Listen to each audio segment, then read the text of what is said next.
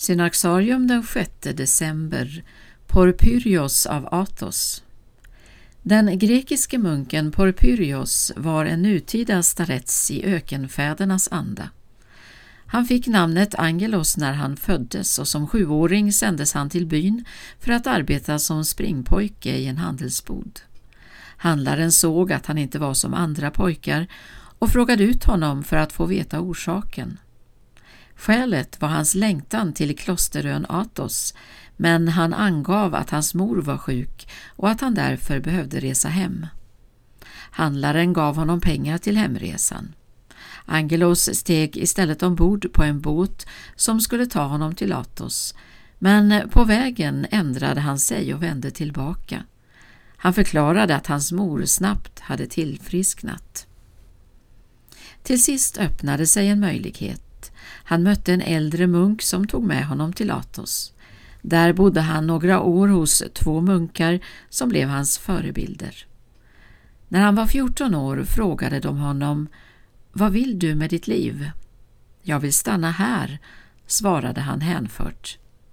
Hans biktfar hämtade då en munkkåpa åt honom. Ovanför den eremitcell där Porpyrios bodde levde en rysk munk som kallades Gamle Dimas. En tidig morgon när Porpyrios satt inne i kyrkan och bad, dold bakom en trappa, kom Dimas in. Pojken fick nu se den gamle i extas. Han strålade av ljus. Porpyrios började gråta. Dimas förmedlade bönens och klarsynens nådegåva till honom. Hans liv var för alltid förändrat från den dagen. Den unge Porpyrios hade ingen annan önskan än att få bli kvar på Athos, men Gud ville annorlunda.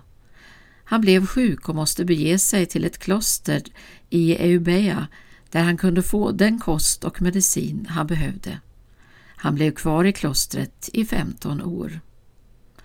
När andra världskriget bröt ut kom Porpyrios till Aten där han blev präst vid ett sjukhus. Den första mässan blev en chock för honom. Ovanför kyrkan larmade musik från en skivaffär. Men Gud visade honom att de små vågor som stojet utanför kyrkan skapade kunde överröstas av den andliga intensiteten inne i kyrkan. Nästa gång han kom till kyrkan var han helt fokuserad på liturgin och förnam hur han var både på jorden och i himlen. Grammofonen vrålade som vanligt, men han hörde den inte. Det var den vackraste gudstjänsten i hela mitt liv och från denna stund var alla gudstjänster sådana. Efter många år som präst i Aten grundade Porpyrios ett kloster för kvinnor där han själv var biktfar i tolv år. När han 1991 kände hur hans liv var i avtagande återvände han till det heliga berget där han insomnade i sin eremitcell tidigt på morgonen den 2 december.